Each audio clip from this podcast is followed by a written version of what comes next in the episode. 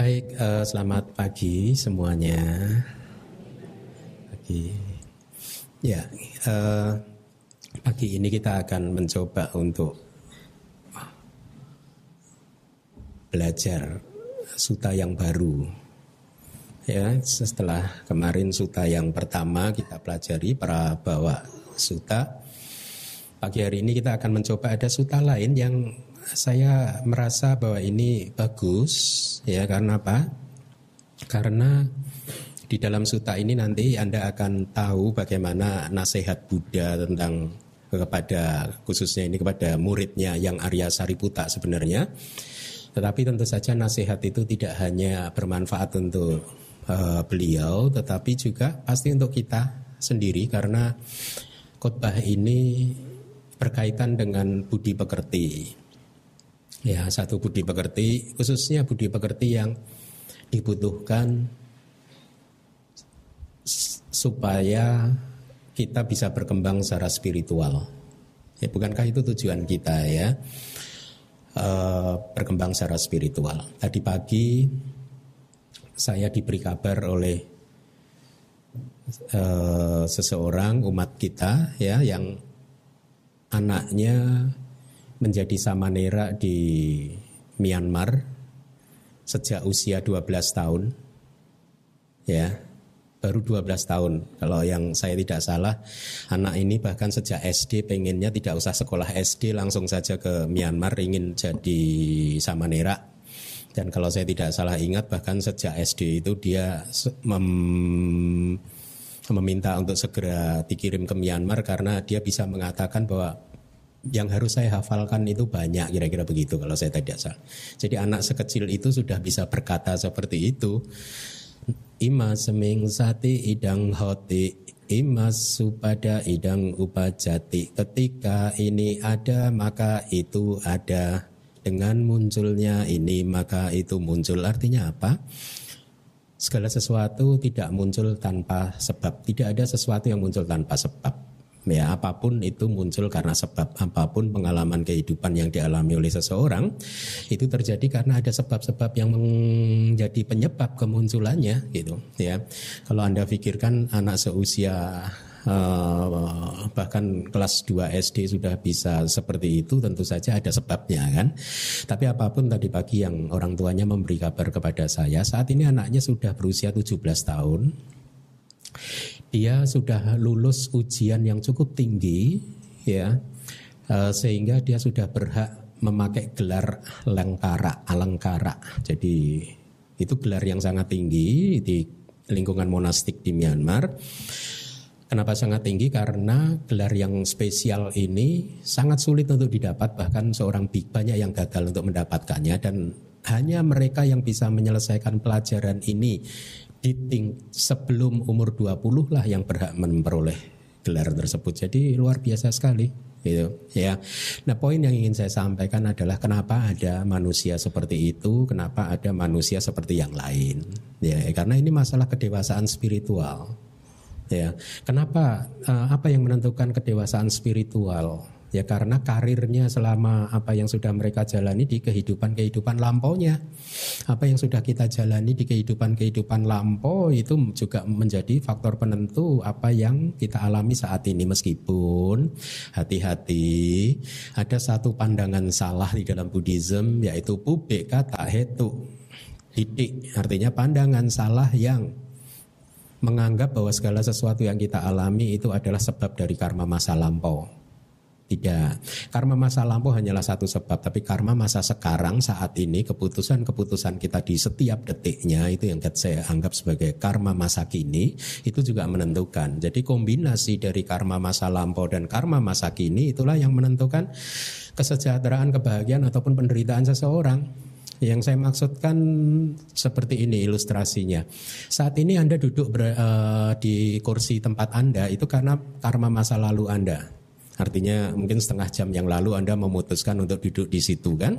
Itu karena masa lampau. Tetapi kemudian kebahagiaan Anda saat ini tidak ditentukan semata-mata oleh keputusan Anda 30 menit yang lalu, tetapi lebih pada perilaku, cara pandang, reaksi kita terhadap apa yang kita alami di saat ini. Artinya begini, Anda sekarang duduk di tempat duduk Anda, apakah Anda setelah itu mau bangkit berdiri, berbelok ke sebelah kanan atau bahkan berbelok sebelah uh, ke sebelah kiri atau bahkan maju ke depan itu bukan tergantung dari karma masa lalu, tetapi tergantung dari karma saat ini. Nah, kembali lagi.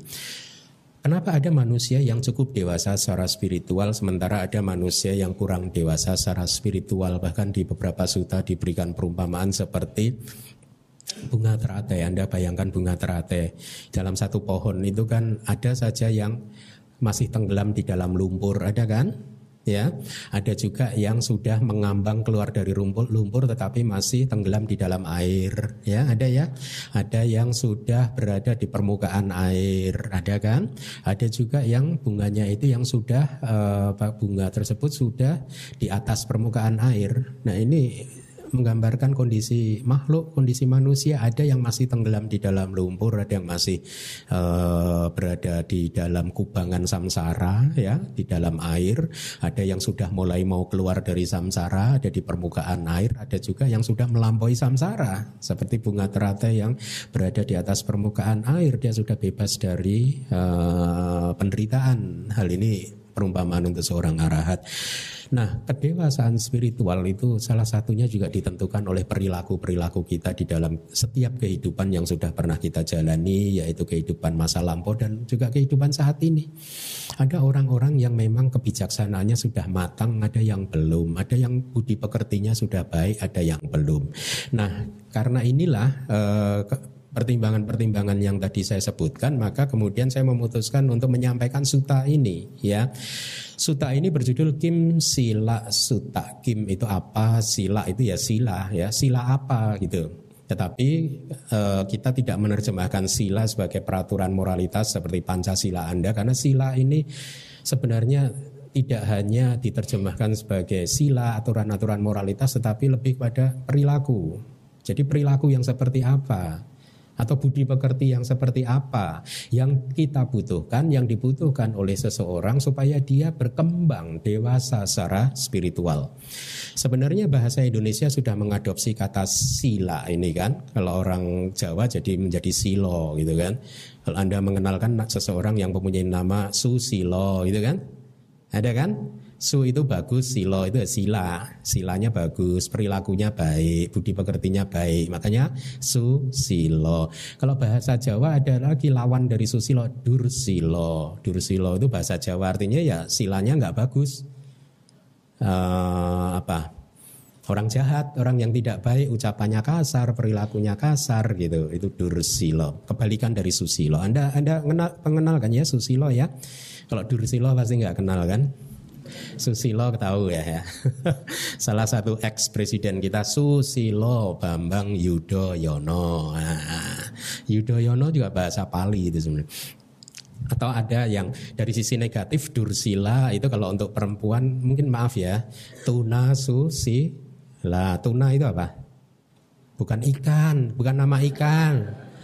Tuna susila berarti sila yang bagus, budi pekerti yang bagus, tuna kurang atau tidak punya gitu ya.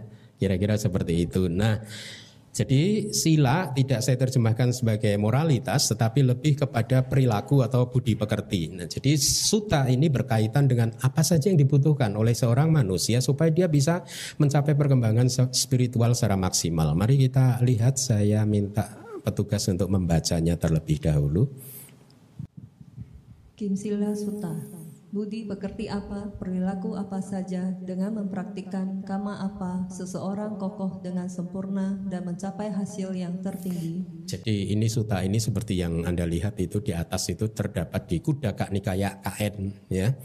E, risalah yang kelima itu ada nomor 5, kemudian nomor 21 itu merebut e, me, me, merujuk kepada nomor sutanya ada suta ke-20 uh, tujuh ya. Jadi ini agak aneh meskipun disebut sebagai kudaka nikaya satu apa uh, kudaka itu artinya minor kecil sedikit gitu ya. Jadi ini adalah nikaya satu di antara pancak nikaya, lima nikaya yang terakhir, yang paling dianggap paling minor, paling kecil, tetapi ternyata di dalam Kudaka Nikaya ini terdapat dua pitaka. Winaya Pitaka dan juga Abhidhamma Pitaka adanya juga di Kudaka Nikaya ini. Jadi eh, mungkin itu di masa lalu kita tidak tahu bagaimana mereka mengelompokkan Tripitaka sedemikian rupa. Bahkan cerita-cerita Jataka juga ada di Kudaka Nikaya. Cerita-cerita masa lalu semua Buddha, Buddha Wamsa juga ada di kitab Kudaka Nikaya ini. Ya, mari dilanjutkan. Seseorang yang menghormati orang tua tanpa kedengkian dan mengerti waktu yang tepat untuk melihat guru-gurunya. Ketika khotbah dhamma sedang berlangsung, mengetahui momen yang bagus tersebut, dia hendaknya mendengarkan dengan penuh rasa hormat kata-kata yang diucapkan dengan indah.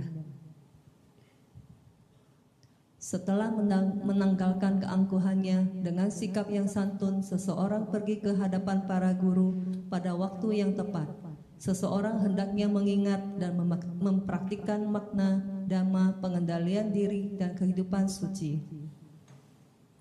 Bergembira di dalam dhamma, senang dengan dhamma, kokoh di dalam dhamma, mengerti bagaimana cara menyelidiki dhamma.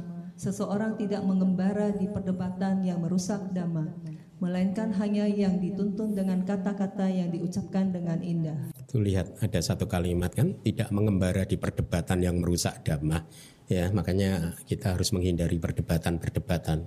Lebih baik mengalah daripada berdebat ya.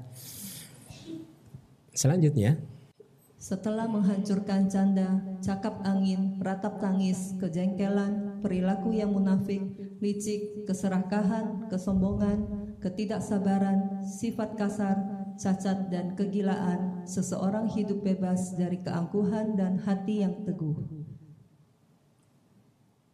Apa yang dipahami adalah esensi dari kata-kata yang dikatakan dengan indah. Samadhi adalah esensi dari apa yang telah dipelajari dan dipahami. Kebijaksanaan dan pengetahuan kitab suci tidak berkembang untuk dia yang impulsif dan ceroboh.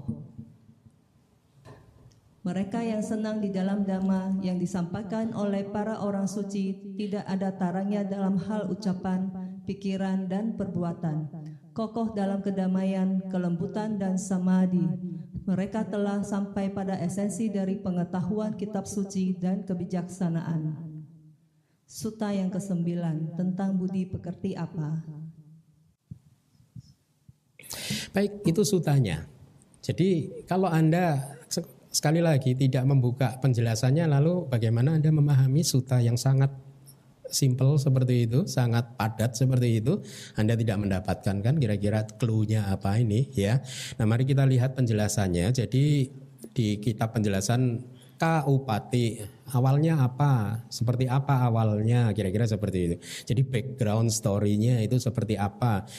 Jadi suta ini ada karena berkaitan dengan teman yang Arya Sariputa sejak masih menjadi umat perumah tangga. Jadi yang Arya Sariputa sebelum menjadi biku mempunyai satu teman. Teman ini adalah anak seorang Brahmana Wangganta. Brahmana Wangganta. Jadi papahnya ini adalah juga teman dari ayah dari yang Arya uh, Sariputa.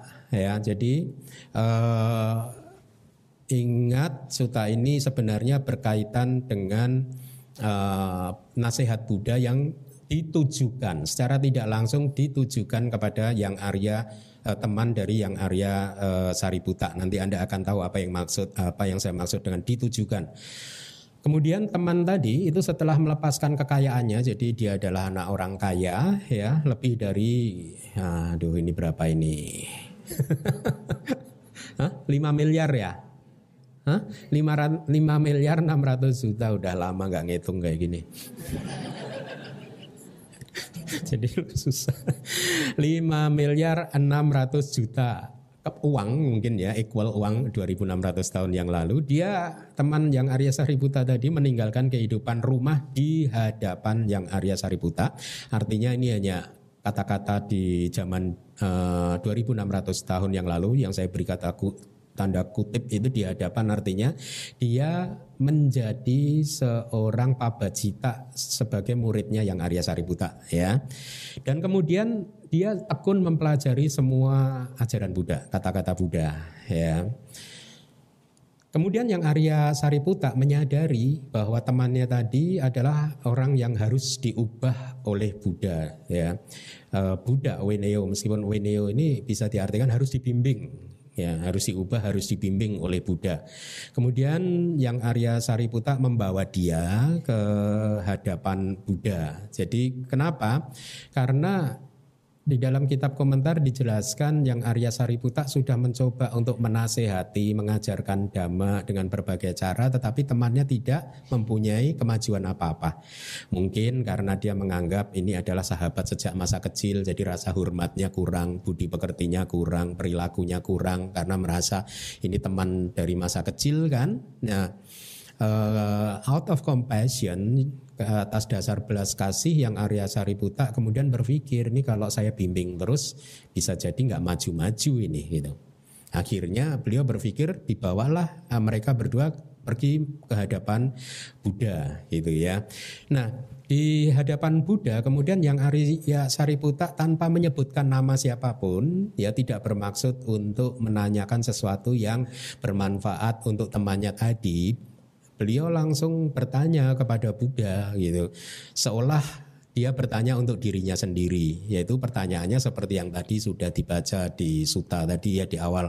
Budi pekerti apa, perilaku apa, dengan mempraktekkan kama seperti apa, seseorang itu nanti akan bisa kokoh dan sempurna sehingga akhirnya bisa mencapai hasil yang tertinggi dan seterusnya.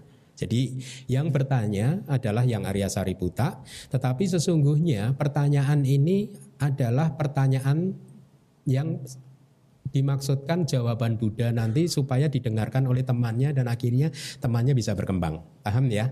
Kadang memang seorang biku melakukan hal seperti itu, tetapi jangan kemudian Anda berpikir berarti yang Arya Sariputa melakukan ketidakbenaran dong, kebohongan. Enggak, enggak bohong. Kan enggak enggak enggak mengatakan apa-apa. Ya, dia beliau hanya bertanya seperti itu.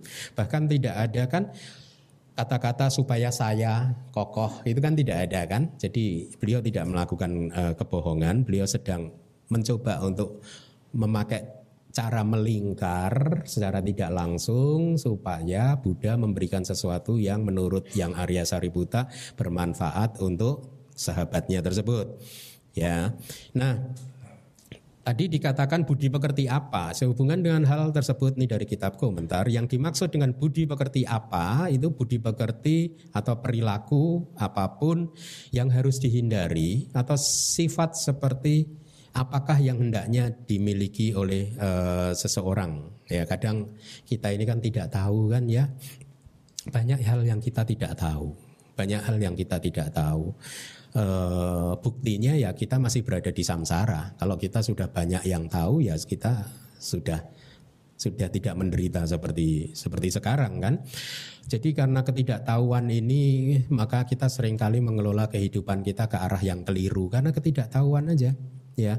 Atau karena mungkin berdasarkan opini pendapat pribadi ya berdasarkan pikiran kita sendiri merasa kita sudah lebih tahu dari yang lain kita tidak perlu ke wihara tidak perlu belajar kitab suci dan lain sebagainya. Nah inilah yang akhirnya membuat kita ini terombang-ambing terus di pusaran samudra uh, samsara gitu. Jadi yang pertama tentang budi pekerti seperti apa itu berkaitan dengan perilaku apa yang harus kita hindari atau sifat seperti apa yang hendaknya dimiliki oleh seseorang. Kemudian yang dimaksud dengan perilaku apa saja itu adalah tindak tanduk yang positif apa saja yang seseorang hendaknya mengupayakannya. Saya katakan tindak tanduk yang positif itu ada kata pali cari tenak cari tak. Nanti akan saya jelaskan bahwa sila peraturan moralitas itu ada yang sila yang positif, ada sila yang negatif. Sila yang positif artinya adalah budi pekerti perilaku yang harus kita lakukan. Yang negatif adalah budi pekerti yang tidak harus kita lakukan, yang harus kita hindari. Ya, nah yang dimaksud dengan perilaku apa saja ini berkaitan dengan sila yang positif, perilaku yang harus kita lakukan, tidak berkaitan dengan perilaku yang harus kita hindari. Ya, kita bedakan, ya. Kemudian yang dimaksud dengan mempraktekkan kama apa artinya menambah kama-kama melalui tubuh, ucapan dan pikiran apa saja tentu saja menambah kama yang baik dan inilah mengapa Anda harus tahu 10 karma baik itu apa saja. Kalau Anda tidak tahu lalu bagaimana Anda menambahnya? Kalau Anda tidak tahu Anda nanti campurkan karma baik Anda karma buruk Anda anggap karma baik sehingga Anda lakukan terus. Sebaliknya karma baik Anda anggap sebagai karma buruk sehingga Anda hindari terus. Jangan berdana lah itu kan karma buruk. ya. Makanya Anda harus tahu karma baik itu apa, karma buruk itu apa. Kemudian yang dimaksud dengan seseorang kokoh dengan sempurna adalah seseorang menjadi mantap sekali di dalam sasana ya. Tadi kan ditanyakan masih ingat ya, jadi perilaku seperti apa yang membuat seseorang itu akan kokoh di dalam sasana, mencapai hasil yang tertinggi, menjadi seorang arahat. Jadi menarik karena karena ini adalah sesuatu yang juga kita butuhkan gitu. Kemudian yang dimaksud dengan mencapai hasil tertinggi adalah mencapai kearahatan, ya. Dia mencapai arahata yang tertinggi dari e, semuanya. Nah, kemudian setelah mendengar pertanyaan dari yang Arya Sariputa, setelah suta yang tadi dibaca tadi, yang pertama tadi, ya, Bagawa atau Buddha sempat berpikir di dalam hati gitu Kenapa yang Arya Sariputa menanyakan hal-hal yang sepele seperti ini? Itu. Bukankah dia adalah seseorang yang sudah juga menjadi orang yang suci? Ya, bahkan uh, dikatakan di kitab itu yang Arya Sariputa itu kan mencapai apa? Uh, mencapai kesempurnaannya sebagai seorang murid setengah bulan setelah penahbisan. Cepat sekali ya hanya setengah bulan setelah penahbisan beliau menjadi seorang arahat. Lalu mengapa beliau menanyakan sebuah pertanyaan untuk umat pemula atau untuk biku pemula seperti itu? Itu itu di penjelasan di dalam kitab kita ya. Tapi kemudian Bagawa guru agung kita e, mengerti bahwa pertanyaan ini diajukan oleh Yang Arya Sariputa untuk muridnya gitu ya, demi muridnya, demi kemajuan spiritual muridnya. Jadi Jawaban yang diberikan oleh Buddha itu sesungguhnya adalah uh, untuk murid dari yang Arya Sariputa mumpung dia ada di situ kan ikut mendengarkan. Jadi dia juga bisa ikut memahami tentang perilaku apa yang harus kita kembangkan supaya kita bisa mencapai kemajuan spiritual yang tertinggi ya. Nah, Kemudian Buddha tidak menguraikan sila yang berkaitan dengan tingkah laku meskipun tadi e, ditanyakan ya jadi tentang Pancasila, delapan sila atau sila kebikuan gitu demi mengajarkan dhamma yang sesuai untuk dia, untuk murid yang Arya Sariputa, maka Begawan atau Buddha, Bagawa berkata dengan diawali e, kata kalimat seseorang yang menghormati orang tua. Jadi kita harus menghormati orang tua. Lihat Ya, tetapi nanti akan dijelaskan lagi orang tua yang seperti apa. Nah, ini pentingnya kitab komentar. Ya. Jadi seseorang yang menghormati orang tua, kalau Anda masih ingat tadi yang dibaca, eh, tanpa kedengkian, mengerti waktu yang tepat dan seterusnya untuk melihat guru-gurunya dan seterusnya, ya. Eh, itu adalah perilaku yang dibutuhkan yang harus kita kembangkan. Kita harus senantiasa menghormati orang tua ya nanti akan dijelaskan orang tua itu apa. Nah tadi saya sempat menyinggung dua jenis sila yaitu cari tak sila dan wari tak sila. Cari tak sila adalah sila-sila yang harus kita lakukan, wari tak sila adalah sila yang harus kita hindari. Sila yang harus kita lakukan atau sila yang positif itu apa saja sih? Sila yang positif itu misalkan ya eh, apa bersikap ramah kepada tamu Ya, sebenarnya kepada siapa saja. Kita harus bersikap ramah. Ini positif. Kita harus melakukan. Tidak untuk kita hindari. Bersikap ramah bukan sila yang harus dihindari. Tapi sila yang harus dilakukan. Makanya ini adalah sila yang positif. Menjamu tamu dengan baik. Merawat orang tua dan sanak saudara. Ini dari kitab-kitab. Termasuk juga memberikan persembahan kepada Buddha. Anda memberikan nggak setiap pagi persembahan kepada Buddha? Hmm? Oleh karena itu sebagai umat ada baiknya Anda di rumah mempunyai altar kecil sehingga setiap pagi, setiap hari Anda bisa menambah, memupuk kebajikan Anda dengan terus melakukan persembahan kepada Buddha, air, buah, bunga, uh, dan yang lainnya ya jadi setiap hari Anda isi kehidupan Anda dengan terus-menerus melakukan kebajikan. Kemudian menjaga kebersihan rumah juga termasuk sila yang positif. Merapikan rumah itu termasuk sila yang positif. Perilaku yang positif, perilaku yang baik. Menjaga juga tentu saja kebersihan tubuh dan kebersihan ucapan kalau itu melalui Pancasila Anda kan ya. Nah, berpakaian yang rapi lihat berpakaian yang rapi. Ya saya itu kadang kagum dengan umat tetangga sebelah itu. Kalau ke tempat ibadahnya rapi sekali gitu ya, menggunakan yang terbaik gitu. Nah kita pada suatu hari ada cerita seperti ini ya seorang istri yang tiap hari komplain kepada suaminya kamu itu kenapa sih kewihara lah tiap pagi, tiap ini. Eh, enggak, ini komplainnya tentang uh, mempraktekkan sila, mengamalkan Pancasila. Jangan mabuk-mabukan lah. Gitu. Jangan suka berbohong lah. Pancasila harus dipraktekkan. Jadi karena si istri ini tahu suaminya sering melanggar, melanggar Pancasila, akhirnya dia komplain terus kepada suaminya. Nah suatu hari suaminya sedang berjalan-jalan di mall, dia melihat seorang yang pakaiannya compang-camping. Kemudian minta minta uang. Suaminya karena dia pelit kan, dia curiga. Kamu minta uang untuk apa? Ya untuk makan. Nah kamu bohong. Pasti kamu suka bohong karena dia menilai orang dengan standarnya sendiri kan. Pasti kamu suka bohong. Enggak, juragan, enggak, tuan saya enggak ingin bohong. Lalu kalau saya beri uang pasti nanti untuk beli minuman keras. Enggak, enggak, enggak bos, saya enggak pernah minuman minum minuman keras. Kamu suka mabuk? Enggak, saya seumur hidup enggak pernah mabuk gitu. Atau kalau saya beri uang nanti kamu buat berzina enggak apalagi itu. Saya seumur hidup sama sekali nggak pernah berzina gitu. Akhirnya kan kagum kan suaminya tadi kan. Pulanglah dia ke rumah dia dipanggil istrinya sini sini sini sini. Sini. Akhirnya istrinya diajak ke mall. Setelah ketemu orang yang pakaiannya lusuh compang camping tadi gitu ya dia ngomong sama istrinya tuh contoh orang yang pancasilanya bagus tuh kayak dia. Kamu mau saya pengen seperti dia gitu Nah cerita ini berlanjut di tetangga sebelah. Istri tetangga sebelah ngomel terus sama suaminya gitu, ya. Ngomel sama suaminya, kamu kok nggak pernah ke wihara sih? Umat Buddha kok nggak pernah ke wihara? Nah, singkat cerita udah udah beberapa hari, satu hari suaminya pergi jalan-jalan ketemulah dengan umat DBS. Melihat pakaiannya kok nggak rapi, itu ditanya, kamu kewihara oh rajin saya kewihara saya ikut kelas petnya Bante Keminda Sabtu ikut Minggu ikut gitu kan. Rajin setiap kali ada perayaan apa saya juga ikut. Akhirnya dia pulang ke rumah dipanggil lah istrinya. Tuh sini saya mau kasih lihat. Itu contoh orang yang rajin ke wihara itu kayak gitu. Kamu mau saya seperti dia lusuh gitu.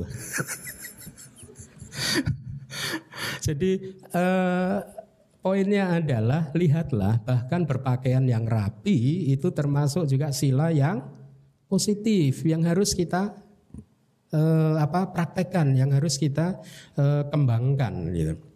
Nah nanti ada sila yang negatif, warita sila yaitu sila yang harus kita hindari, tidak kita lakukan seperti apa?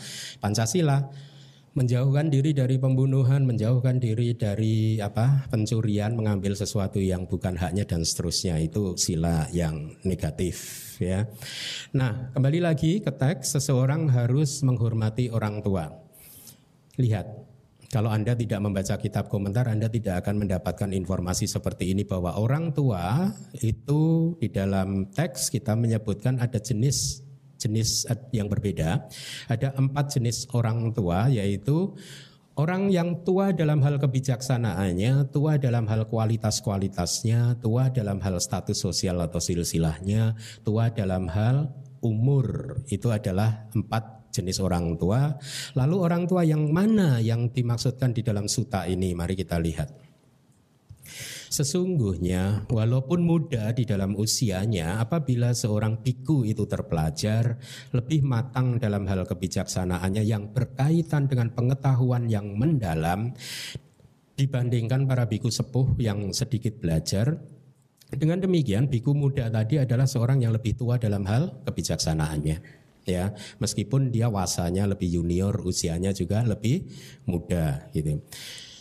Demikian juga seorang biku muda yang telah memiliki pencapaian meditatif, mas sudah menguasai jana, menguasai maga, menguasai pala, ya e, sudah mencapai maga dan pala, jalan dan buah, maka biku yang seperti ini adalah biku yang tua dalam hal kualitas. Ya, jadi ini jenis yang kedua.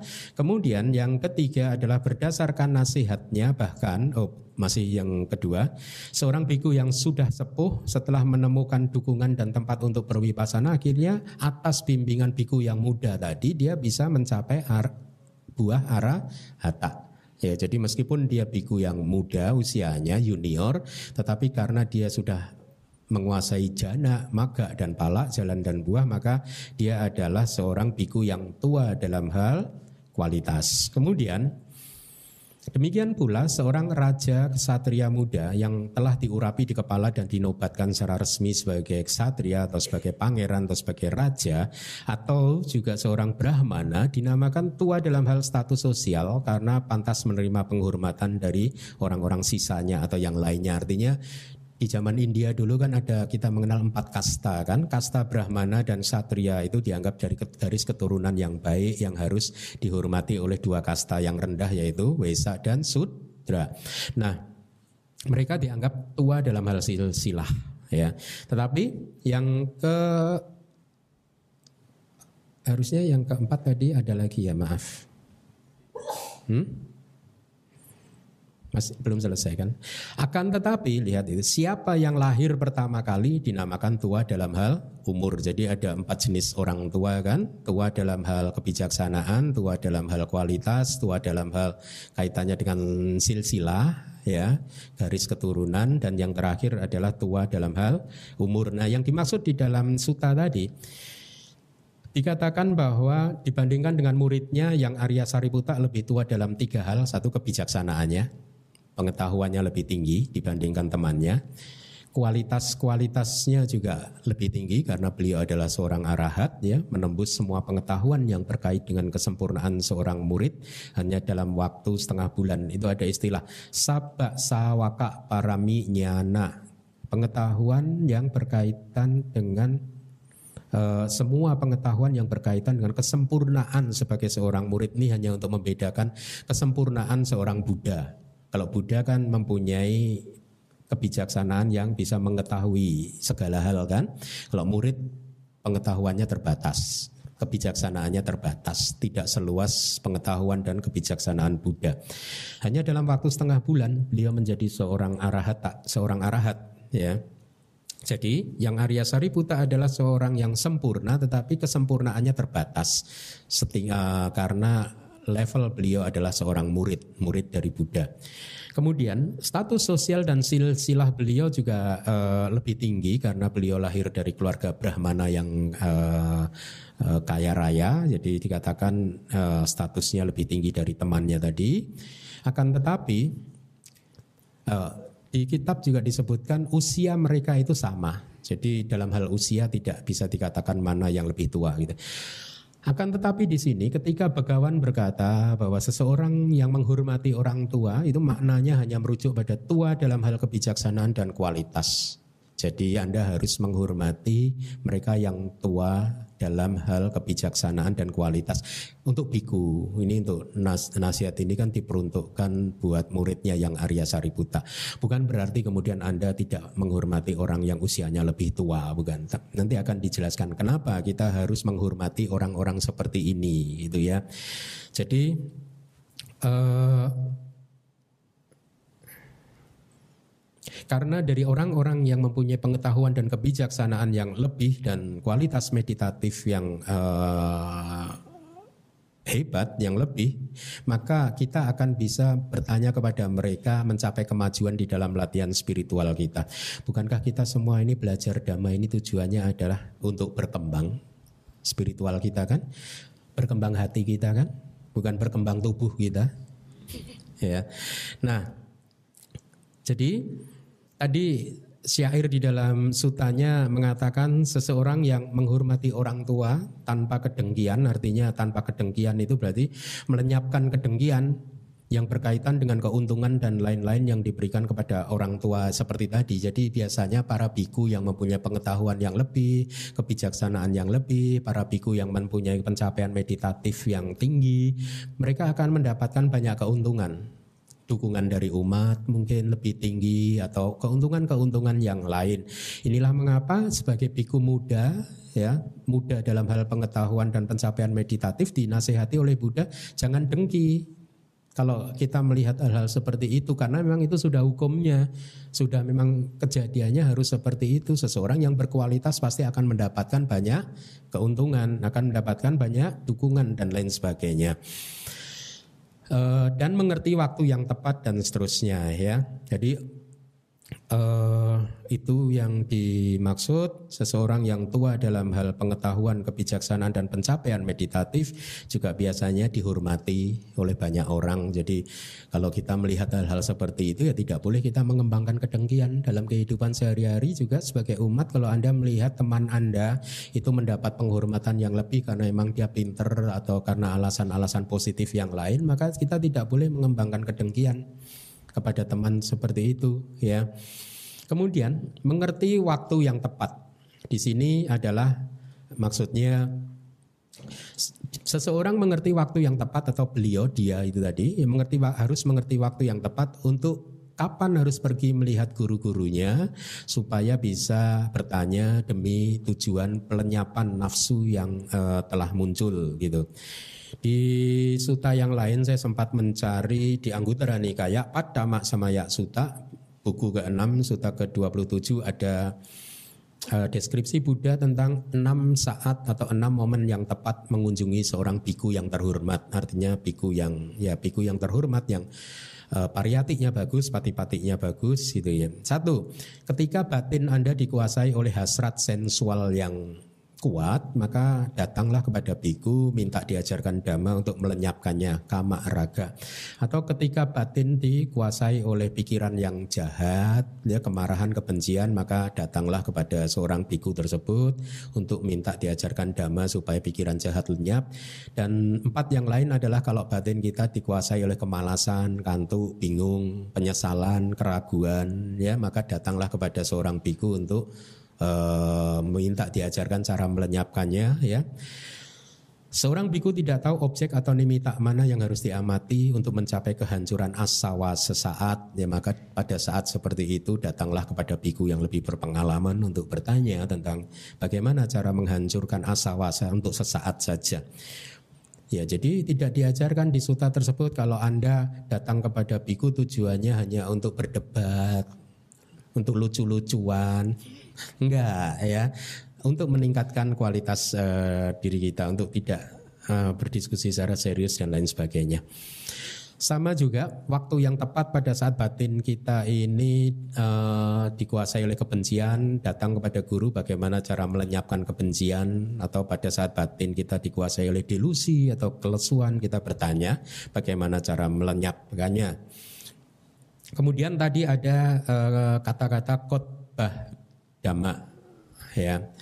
Uh, yang dimaksud bertanya kepada uh, biku untuk mendengarkan khotbah dhamma dengan penuh rasa hormat. Arti khotbah dhamma ini adalah segala sesuatu yang berkaitan dengan samata dan vipassana. Anda harus ingat bahwa pertanyaan ini diajukan oleh Yang Arya Sariputa secara tidak langsung ditujukan kepada muridnya supaya berkembang meditasinya. Maka maksud khotbah dhamma di sini adalah dhamma yang berkaitan dengan samata dan e, vipassana. Karena tadi di sutanya di pertanyaannya kan kalimat terakhir supaya seseorang itu kokoh dengan sempurna dan mencapai hasil yang tertinggi menjadi seorang arahat. Lalu apa yang harus dilakukan? Mendengarkan khotbah dhamma. Khotbah khotbah dhamma yang seperti apa? Yang berkaitan dengan samata dan Wipasana. Lalu untuk kami bagaimana Bante untuk perumah tangga seperti ini ya karena jalan hidupnya sudah berbeda ya khotbah damanya bisa agak melebar sedikit. Ya, lain masalahnya kalau Anda siap mendedikasikan keseluruhan waktu kehidupan Anda untuk bermeditasi sama tak dan wipasana. Siap nggak? Nggak kan? Jadi khotbah-khotbah tentang perilaku yang baik, yang bermanfaat untuk kehidupan sehari-hari masih juga bermanfaat untuk Anda yang sudah memutuskan hidup sebagai seorang perumah tangga. Jadi Anda masih membutuhkan khotbah dhamma yang berkaitan dengan kehidupan sehari-hari supaya hidup jadi lebih nyaman, lebih bahagia dan itulah mengapa saya di suta yang sebelumnya menyampaikan kepada Anda Manggala Suta ya. Kemudian para bawa suta itu lebih juga satu ajaran yang bisa Anda praktekkan uh, buat kehidupan sehari-hari Anda supaya kehidupan Anda aman, nyaman, tentram, damai dan di dalam perjalanan di dalam samsara ini Anda senantiasa bisa mengambil kelahiran yang baik, kelahiran yang akhirnya bisa mendukung kemajuan spiritual Anda gitu. Kita lanjutkan. Arti dari mengetahui momen yang bagus, kapan sih saat yang tepat? Itu artinya adalah seseorang mengetahui momen untuk khotbah tersebut. Ya, kapan khotbah tersebut itu eh, baik untuk didengarkan. Kenapa? Karena sangat sulit untuk mendapatkan momen mendengarkan damak yang seperti itu, mendengarkan khotbah seperti itu, sangat sulit. Jangan berpikir bahwa Anda setiap hari Minggu bisa mendengarkan ceramah saya seperti ini gitu masih banyak jutaan orang di luar sana yang tidak bisa mendapatkan kesempatan seperti ini. Meskipun kita setiap minggu sudah upload ke YouTube, tetapi ada saja umat kita yang tidak mempunyai akses ke internet. Sehingga mereka juga tidak bisa mendengarkan. Anda harus bersyukur setiap minggu minimal Anda mendapat kesempatan untuk mendengarkan dhamma. Apa yang saya sampaikan ini adalah kalimat yang usianya sudah ribuan tahun karena ini dari kitab-kitab kita, bukan kalimat dari saya. Ya, kalimat dari Buddha 2600 tahun yang lalu. Kemudian komentar-komentarnya juga diduga juga sudah ada di zaman-zaman itu juga. Berarti sudah ini nasihat guru 2600 tahun yang lalu sampai hari ini masih eksis. Sampai hari ini masih bisa kita akses. Jadi Anda harus bersyukur sekali ya. Uh, dengan rasa syukur seperti itu, maka Anda akan menjadi semakin mudah untuk bertekad untuk lebih serius di dalam belajar dan eh, latihan-latihan uh, meditasi Anda karena kehidupan tidak pasti kan. Kehidupan depan setelah ini tidak ada yang bisa memastikan kita akan lahir lagi sebagai manusia lagi atau enggak. Kalaupun lahir sebagai manusia juga tidak ada yang bisa memastikan untuk lahir di pik lagi, pantai indah kapuk lagi. Jangan-jangan lahirnya di pulau yang terpencil. Nah, yang biku mau ke sana aja udah ogah-ogah. Aduh, naik perahu lagi. Nah, lihat, ada lo umat kita yang hidupnya di pulau terpencil. Sering biku harus mengunjungi mereka dengan naik perahu. Hmm? Mereka akan tidak beruntung, tidak seberuntung Anda kan. Mari kita lanjutkan. Arti dari hendaknya mendengarkan dengan penuh rasa hormat. Jadi kalau Anda sudah mendapatkan momen seperti itu tadi, Anda harus mendengarkannya dengan penuh rasa hormat adalah kita harus mendengarkan khotbah tersebut dengan penuh rasa hormat dan tidak hanya itu, ya. Kita dia hendaknya juga mendengarkan dengan penuh hormat kata-kata yang diucapkan dengan indah. Ini istilah teknis subhasita Subhasita bahasita itu ucapan kata-kata. Su tadi susila. Ini subhasita. Kata-kata yang diucapkan dengan baik ya dengan indah ya. Nanti akan dijelaskan apa sih yang dimaksud dengan kata-kata yang diucapkan dengan indah. Yang berkaitan dengan kualitas-kualitas Buddha Dhamma dan e, Sangga gitu ya. Kemudian makna yang disampaikan di sini berkaitan dengan mengerti waktu yang tepat untuk melihat guru-gurunya adalah seseorang itu mengerti waktu yang baik untuk menghilangkan tadi nafsu dan kotoran-kotoran batin lainnya yang telah muncul. Tetapi ketika pergi menghadap guru-gurunya, seseorang hendaknya pergi ke hadapan para guru hanya pada waktu yang tepat setelah berpikir saya adalah seorang meditator dan yang hidup dengan praktek-praktek pertapaan yang keras, saya saat ini sedang dikuasai oleh kilesa, saya tidak tahu bagaimana cara menekannya. Oleh karena itu, saya akan datang kepada guru dan menanyakannya. Ya, nah, uh, jadi yang berwarna kuning itu ya tepat waktu berarti ada yang tidak tepat waktu di dalam kitab juga dijelaskan se baiknya kita tidak mendekat kepada guru untuk mengajukan pertanyaan di mana pun Anda dia melihat guru Anda. Kalau di tengah jalan Anda bertemu dengan guru, jangan terus di tengah jalan Anda bertanya. Ya, ya, karena bantainya akan bisa saja pergi tidak menjawab. Winaya membolehkan Bante begitu. Kalau misalkan saya sedang berjalan-jalan, kemudian kok Anda datang bertanya Bante, ini begini, saya akan bisa boleh diam saja dan tetap pergi seolah-olah nggak dengar Anda. Habis itu nanti pura-pura kaget, eh ada kamu ya. enggak lah, enggak itu saya. enggak, memang Winaya memperbolehkan saya untuk diam tidak menjawab, pergi tinggalkan aja umat itu gitu. Bukan kita tidak sopan, bukan, tetapi semata-mata karena saya ingin menghormati dhamma, dhamma harus ditanyakan di momen yang tepat, di tempat yang tepat. Ya. Kemudian eh, atau Anda tidak bertanya ketika beliau sedang melakukan eh, puja penghormatan di di Cetia di tempat pemujaan beliau sedang sibuk uh, melakukan itu kemudian tiba-tiba Anda uh, jongkok di pinggirnya terus tanya jangan. Itu momennya nggak tepat kan? Atau ketika ketika beliau sedang berada di pelataran pohon bodi ini dari kitab komentarnya ya sedang melakukan kontemplasi perenungan tiba-tiba anda ganggu anda kacau anda tanya eh, bante bante bante bante nah, Manggala Suta itu kapan ah, saya akan nggak menjawab. Nanti eh ada kamu atau Anda tidak bertanya ketika beliau sedang pergi mengumpulkan derma makanan pindah patah di tengah jalan Anda tanyakan itu kan saat yang tepat? Atau ketika bertemu beliau di tengah jalan ini dari kitab tafsir ya. Bertanyalah atau melainkan ketika beliau sedang berada di dalam kediamannya di dalam kutiknya di dalam wihara bertanyalah. Duduk di tempat duduknya sendiri bertanyalah. Ya kalau sedang duduk-duduk di tempat lain di kantor kemudian Anda datang bertanya nah itu momennya nggak tepat. Atau dia hendaknya menghadap guru untuk mengajukan pertanyaan tentang teknik meditasi dan lain-lainnya hanya setelah memastikan bahwa kedamaian beliau tidak terganggu. Ini dari kitab komentar ada bahasa palinya itu saka sena sane pana atanu asane ini sinang wupasanta daratang salaketwa kamadana di widi pujanatang upasang kameyati atau. Jadi Anda harus pastikan bahwa momennya tepat, saatnya tepat, tempatnya tepat. Ya.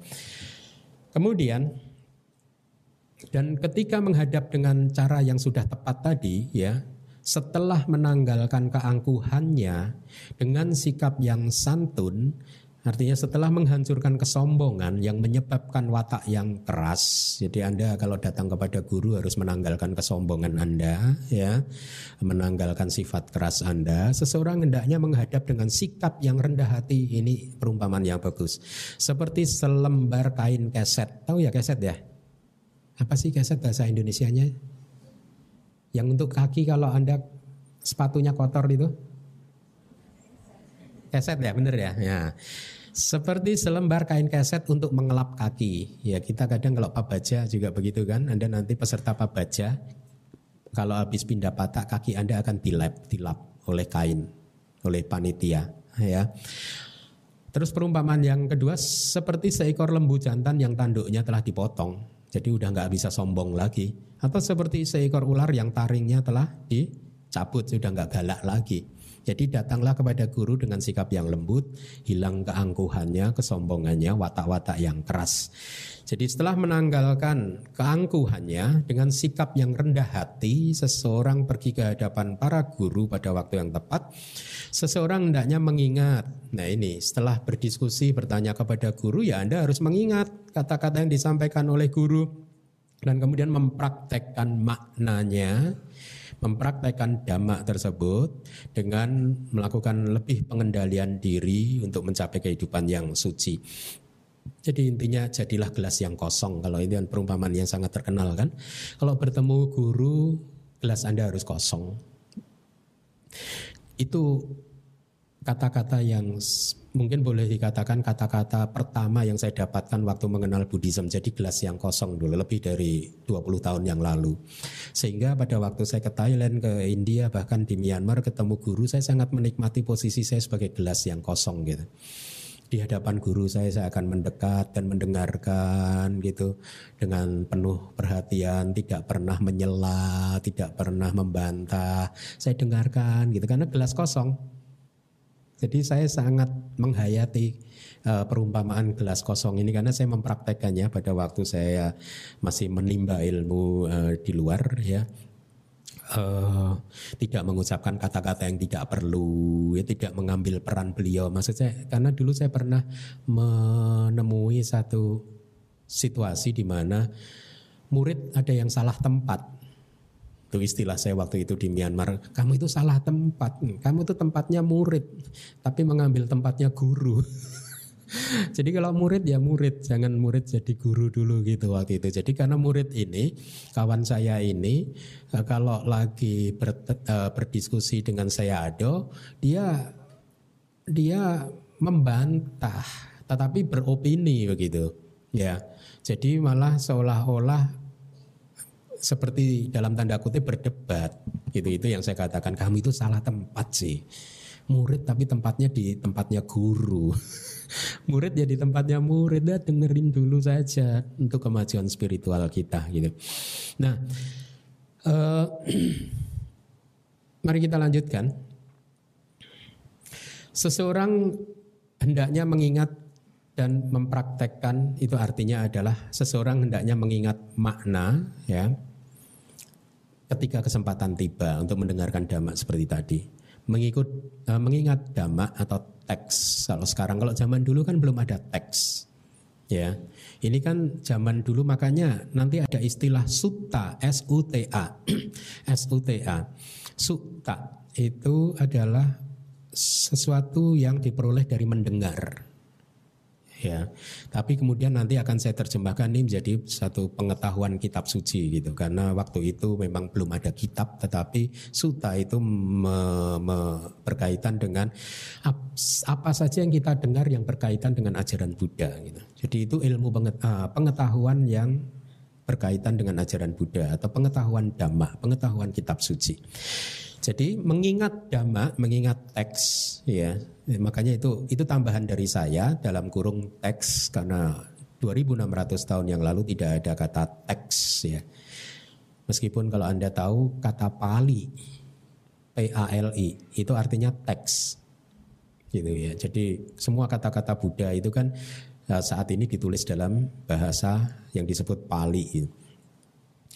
Kemudian eh, mengingat dan mempraktekkan melatih pengendalian dirinya ya eh, memurnikan kehidupan sucinya ketika kesempatan tiba artinya memurnikan kehidupan suci ya silanya dimurnikan. Ya kita ini Anda semua juga harus senantiasa melatih supaya silanya itu makin lama makin murni gitu. Dia hendaknya tidak hanya puas dengan kegembiraan ketika mengingatnya saja akan tetapi setelah menerimanya hendaknya dia mempraktekkan semuanya itu. Artinya apa? Seperti Anda juga, setelah Anda belajar semuanya ini jangan hanya Anda gembira dan puas dengan apa yang sudah Anda pelajari, tetapi Anda harus mengingatnya dan kemudian mempraktekannya. Ya, dipraktekkan. Dia hendaknya mengerahkan segenap energi dalam mewujudkan kata-kata tersebut di dalam dirinya sendiri. Artinya benar-benar berlatih sesuai dengan apa yang sudah diajarkan oleh guru kita. Ya, untuk seseorang yang melakukan hal demikian, maka dia adalah seseorang yang melaksanakan kewajibannya. Lihat, setelah belajar harus berlatih. Dan ini juga arti dari kata damak wihari. Kata dari damak wihari adalah seseorang yang tidak hanya belajar saja, tetapi juga berlatih meditasi. Itu arti kata damak wihari. Kalau Anda hanya belajar saja tapi tidak berlatih meditasi berarti Anda damak wi. Kurang lengkap. Belum jadi damak wihari. Ya, jadi setelah belajar kita harus uh, bermeditasi. Nah, Seseorang hendaknya mengingat mempraktekkan makna dhamma pengendalian diri dan kehidupan suci itu dari pertanyaan uh, dari jawaban Buddha tadi lalu mempraktekkan apa yang telah disampaikan oleh guru. Ketika kesempatan tiba tadi ada ya ketika kesempatan tiba itu artinya ketika waktunya pas memungkinkan dan ketika kita dihadapkan pada kejadian sehari-hari kilesa kita menaik ke permukaan batin kita maka itu adalah waktu yang tepat untuk datang menemui guru. Tapi juga harus dipertimbangkan apakah gurunya tadi memenuhi syarat yang sudah disebutkan tadi ya. Kemudian mengingat dhamma nah ini penting. Jadi setelah belajar harus diingat-ingat. Makanya kita dulu belajar di Myanmar juga begitu harus diingat-ingat gitu. Mengingat dhamma itu apa di dalam kitab komentar memakai istilah ini pali damang. Berarti damak teks, damak pali. Ya, jadi teks ajaran Buddha itu harus kita ingat-ingat. Ya, ajaran yang ada di dalam Tipitaka. Gitu. Nah, eh, pengendalian diri itu berkaitan dengan eh, sila yang positif atau yang negatif negatif ya pengendalian diri kan berkaitan dengan hal-hal yang harus kita hindari ya. Kemudian kehidupan suci ya, ini berkaitan dengan kehidupan seorang biku di dalam Buddha sasana ya. Jadi eh, pesan dari kelas kita pagi hari ini adalah satu berperilakulah yang baik, berbudi pekertilah yang baik dengan melakukan kewajiban-kewajiban Anda belajar dan berlatih dhamma, kemudian menambah karma-karma baik ya. Setiap kali ada kesempatan untuk melakukan karma baik, lakukanlah karena kesempatan itu tidak datang setiap saat ya. Tambahlah terus karma baik berdana ya.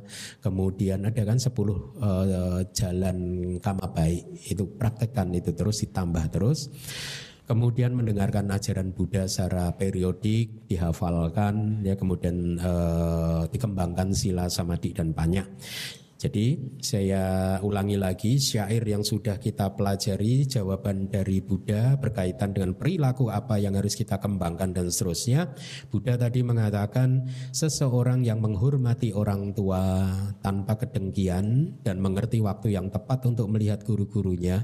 Ketika khotbah dhamma sedang berlangsung, mengetahui momen yang bagus tersebut, dia hendaknya mendengarkan dengan penuh rasa hormat kata-kata yang diucapkan dengan indah yang akan akan saya jelaskan minggu depan. Kemudian syair yang berikutnya 328 setelah menanggalkan keangkuhannya dengan sikap yang santun seseorang pergi ke hadapan para guru pada waktu yang tepat seseorang hendaknya mengingat dan mempraktekkan makna dhamma pengendalian diri dan kehidupan suci. Nah, dengan demikian maka uh, selesailah sutta pembahasan suta Kim Sila Suta yang pertama. Minggu depan masih ada lagi satu kelas lagi Kim Sila Suta yang kedua. Terima kasih. Sadu, sadu, sadu.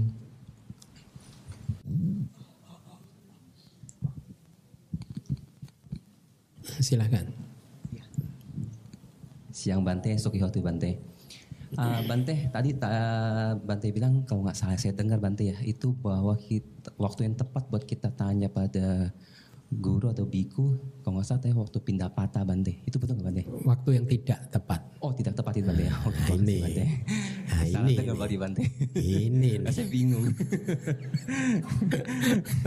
Terus, terima kasih Bante. Terus, satu ya. lagi Bante, uh, kan di buku Parita apa buku yang kita baca kan tuh kesadaran adalah bukan diri, segala sesuatu bukan diri, dan segala sesuatu kondisi adalah bukan diri. Terus kita kan umat Buddha uh, punya cita-cita itu uh, mencapai nibana gitu hmm. deh. Hmm. Lalu apa yang kita hantar ke nibana itu Bante? Apa yang? Apa yang kita hantarkan ke nibana itu? Apa yang kita hantarkan? Ke ke nibana itu. Oh. Jadi apa yang dimulai di sana Bante? Ya. Terima kasih Bante. Ya. Sesuatu bukan diri, segala sesuatu bukan diri yang terkondisi, bukan diri ya yang tidak terkondisi juga bukan diri. Artinya apa? Bukan milik kita, berada di luar kendali kita, kita tidak bisa mengendalikannya. Ini hanyalah fenomena alamnya yang muncul lenyap sesuai dengan hukumnya masing-masing. Jadi tidak ada yang disebut diri bahkan. Kalau jadi kalau dikatakan kesadaran bukan diri, oh berarti ya ada diri yang lain ya. Berarti diri bukan kesadaran bukan, tidak ada. Sabe dhamma anata. Segala dhamma, segala sesuatu anata, bukan diri. Segala sesuatu. Berarti dulu kan ada satu biku yang bernama Sati bingung. Berarti ada yang disebut diri dong di luar ini gitu. ya, jadi bukan maksudnya bukan itu. Tidak ada yang disebut diri. Tapi penjelasan tentang diri tentang ata itu adalah pengendali dari segala fenomena ya yang memiliki tubuh jasmani dan juga batin kita tidak ada ya.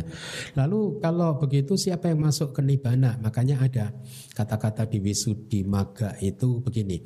Ada penderitaan tetapi tidak ada orang yang menderita. Paham gak? Dalam ya, dalam ya. Ini abidama soalnya. Ada penderitaan tetapi tidak ada orang yang menderita. Ada jalan tetapi tidak ada pengembara yang berjalan di atasnya. Ada nibana, tetapi tidak ada orang yang mencapainya. Memang tidak ada. Siapa yang mencapai? Pada saat kita mencapai nibana, seseorang yang bahkan berada di palak sama pati itu ya, dia melampaui semua nama kanda ini, melampaui semua lim, uh, melampaui semua lima agregat ini. Dan nanti setelah dia mencapai nibana, pari nibana, maka semua lima agregat ini padam. Kalau padam berarti tidak ada apa-apa lagi, bukannya tidak ada apa-apa. Kalau tidak ada apa-apa berarti itu pandangan salah. Itu yang disebut uceda, didik pandangan salah tentang hmm, uceda titik. Nihilisme. Tidak ada apa-apa lagi. Yang ada tetapi apa? Nah itu yang harus dialami sendiri. Uh, dulu di zaman Buddha ada orang biku yang ketakutan pada saat Buddha mengajarkan tidak ada diri dia ketakutan kalau tidak ada diri lalu bagaimana bahagianya gitu, gitu. Dan justru pada saat kita merealisasi bahwa tidak ada diri, maka di situlah akan ada kedamaian dan kebahagiaan. Menarik ya. Yang membuat kita menderita itu karena kita merasa ada diri. Yang membuat kita marah, kita sering jengkel, nafsu kita berkobar-kobar karena kita merasa ada diri, ada aku, ada roh. Kalau kita sudah paham bahwa kehidupan hanyalah fenomena alamiah pada saat panca indera Anda bertemu dengan objeknya masing-masing dan pada saat itu ada kesadaran yang menikmati objek panca indera dan itu muncul lenyap sesuai dengan hukumnya masing-masing yang tidak ada yang bisa mengendalikannya, maka itulah justru kedamaian dan kebahagiaan muncul. Kita menjadi lebih stabil. Itu yang harus direalisasi melalui meditasi. Tidak cukup hanya direalisasi melalui pengetahuan intelektualitas saja. Begitu? Ya. Hmm.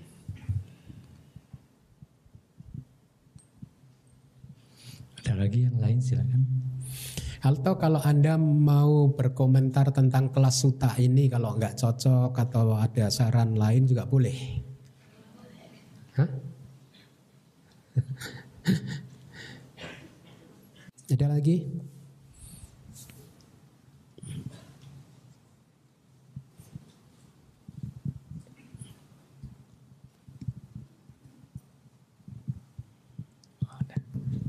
Sugiondo Bante. Saya mau bertanya tentang pandangan benar dan 62 pandangan salah.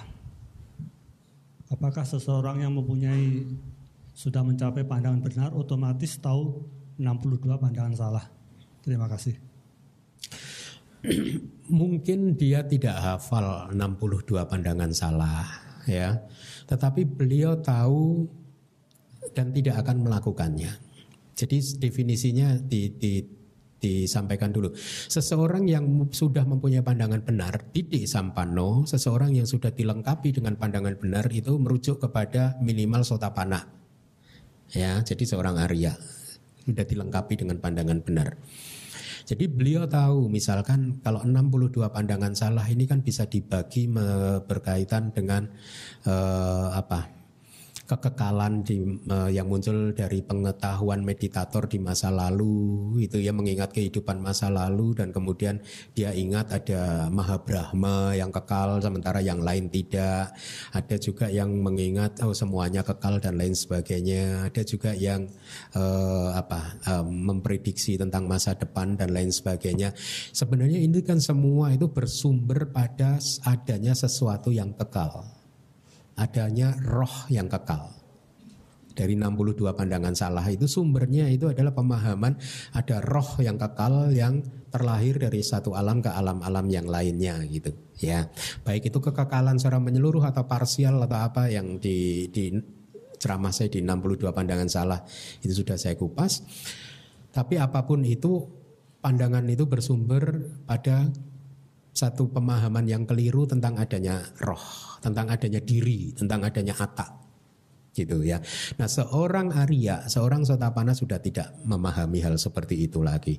Mungkin dia tidak bisa menyebutkan 62 pandangan salah tetapi dia tahu bahwa uh, di dalam alam semesta ini segala sesuatu yang berkondisi adalah anicca, dukkha dan anatta.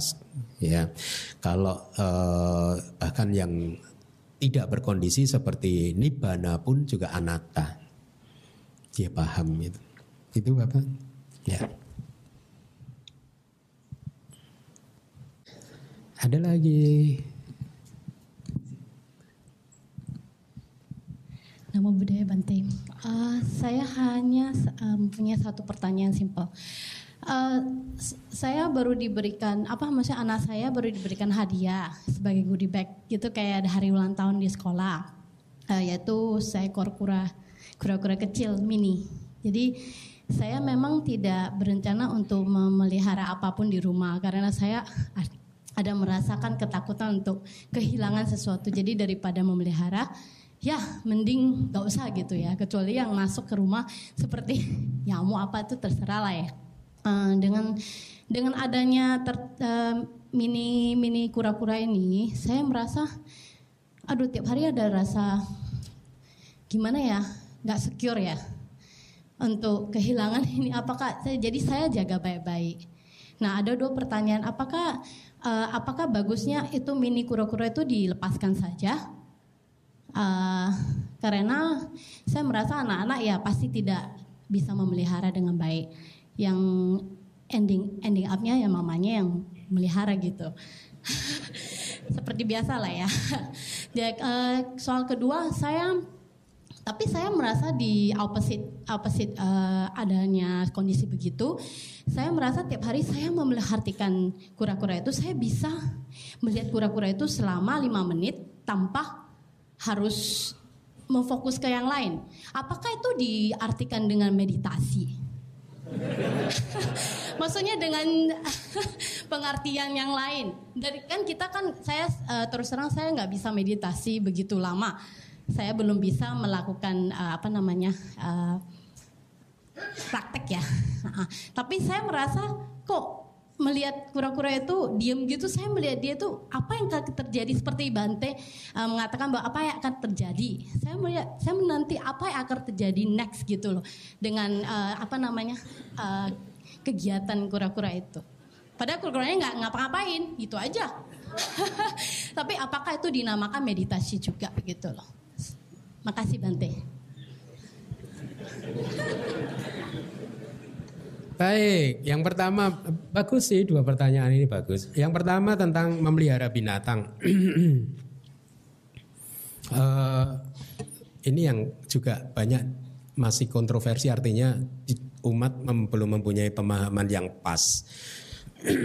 Dianggapnya ada umat yang uh, meyakini bahwa Buddhisme tidak mengizinkan kita untuk memelihara binatang karena itu dianggap mengekang kebebasannya dan lain sebagainya. Di mana itu nggak benar. Bahkan di wihara-wihara di luar negeri juga ada aja kolam isinya ikan.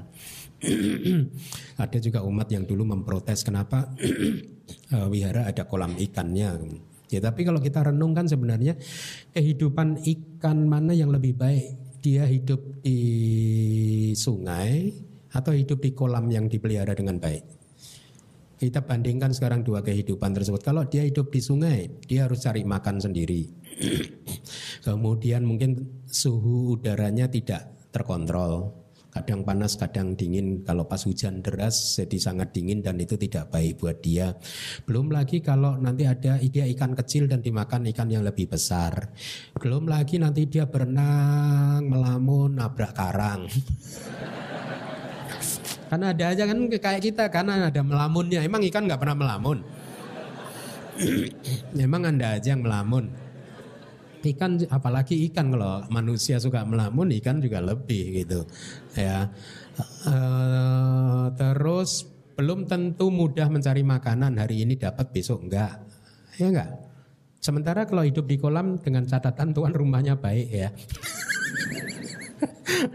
makanan teratur, ya toh, KW super,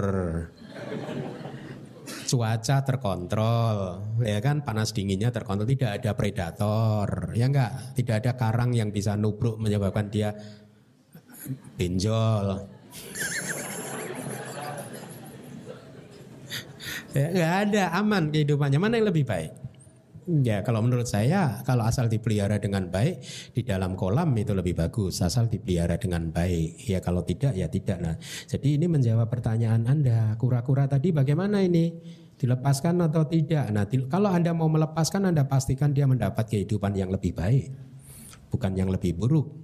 Ya e, melepaskan atas dasar cinta kasih atau kewelas asihan gitu e, kalau tidak dilepaskan ya anda harus merawat dengan baik ya. E, konsekuensinya itu jadi anda mendapat bahkan kesempatan untuk melatih meta karuna mudita UPK kan? Ya jadi itu objek untuk latihan anda. Nah itu meditasi. Anda merenung tadi lima menit. Apakah itu meditasi? Banti tergantung. Kalau pada saat merenung lima menit kemudian Anda merealisasi, oh kehidupan memang duka ya. Nah itu meditasi. Penderitaan ya, kehidupan ini penderitaan gitu.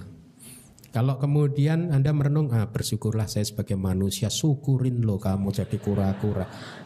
Nah itu bukan meditasi karena membangkitkan kilesa kan, membangkitkan kotoran batin. Jadi kriteria meditasi atau tidak adalah kalau objek tersebut bisa mem membuat atau membantu Anda untuk merealisasi dhamma, ketidakkekalan, penderitaan bukan diri, kemudian tentang karma baik, karma buruk, kemudian tentang UPK, oh kamu kamu saat ini lahir sebagai kura-kura ya. Dulu pasti kamu juga pernah lahir sebagai dewa. Mungkin karena ada karma buruk yang sedang berbuah sapi sata kama saka semua makhluk itu memiliki karma sebagai propertinya masing-masing. Maka itu juga adalah objek meditasi asal tidak ada nyukurin lo kamu kura-kura syukurin nah itu kan kilesa selama itu bisa melenyapkan kilesa dan membuat kebijaksanaan kita tumbuh maka itu meditasi Ya, nggak apa-apa gitu. Terjawab? Oke, okay, good. Ada lagi? Atau cukup? Ya, mungkin karena waktu juga satu lagi ya dibatasi satu lagi dengan yang terakhir aja.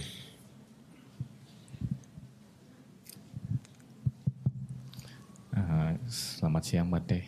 Saya mau nanya tentang definisi tentang menghormati Bante. Uh, saya pengen nanya Bante, uh, ruang lingkup dari peng, kata menghormati itu sejauh mana ya Bante?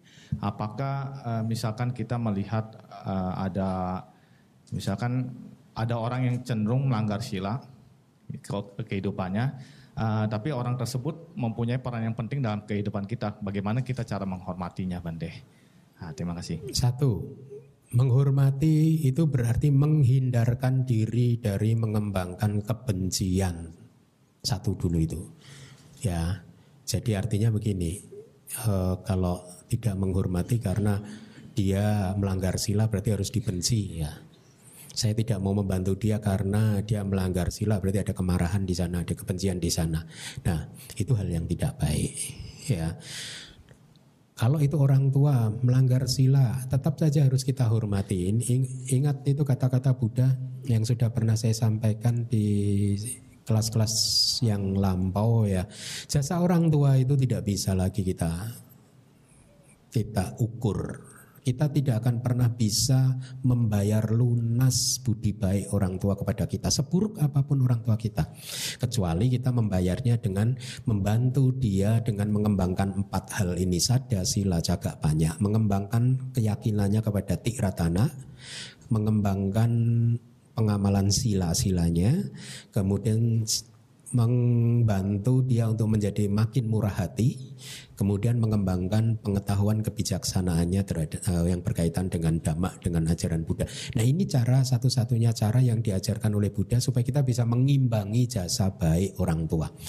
Selain yang ini tidak akan bisa membayar lunas budi baik orang tua. Bahkan kalau perumpamaan Buddha itu kan sangat Eh, ekstrim. Bahkan seandainya selama 100 tahun kita menggendong papa dan mamah kita di kedua belah bahu kita dan selama 100 tahun ini kita gendong kita ajak keliling dunia berjalan kaki dan selama 100 tahun itu kita biarkan orang tua kita buang kotoran di tubuh kita dan selama 100 tahun ini setiap hari kita mengulas apa ininya dengan minyak boleh begitu ya eh, apa kayak pijat gitu ya. Itu pun masih belum cukup untuk membayar jasa kebajikan orang tua kita yang sudah kita terima. Oleh karena itu menjadi tidak relevan kemudian tidak menghormati orang tua gara-gara orang tua sering melanggar sila tidak, tidak akan pernah bisa dijadikan alasan untuk tidak menghormati orang tua hanya gara-gara orang tua sering melanggar sila. Justru karena dia melanggar sila, maka kita harus melakukan segenap upaya untuk bisa keluar dari kesalahannya itu. Jadi uh, menghormati orang tua dengan cara yang seperti itu, ditingkatkan sada sila cagak panya keyakinannya kepada tiratana, Pancasilanya ditingkatkan, kemudian kemurahan hatinya ditingkatkan dan kebijaksanaannya ditingkatkan. Gitu ya. ya. Itu menghormat dengan cara membalas budi. Baik. Terima kasih Bante.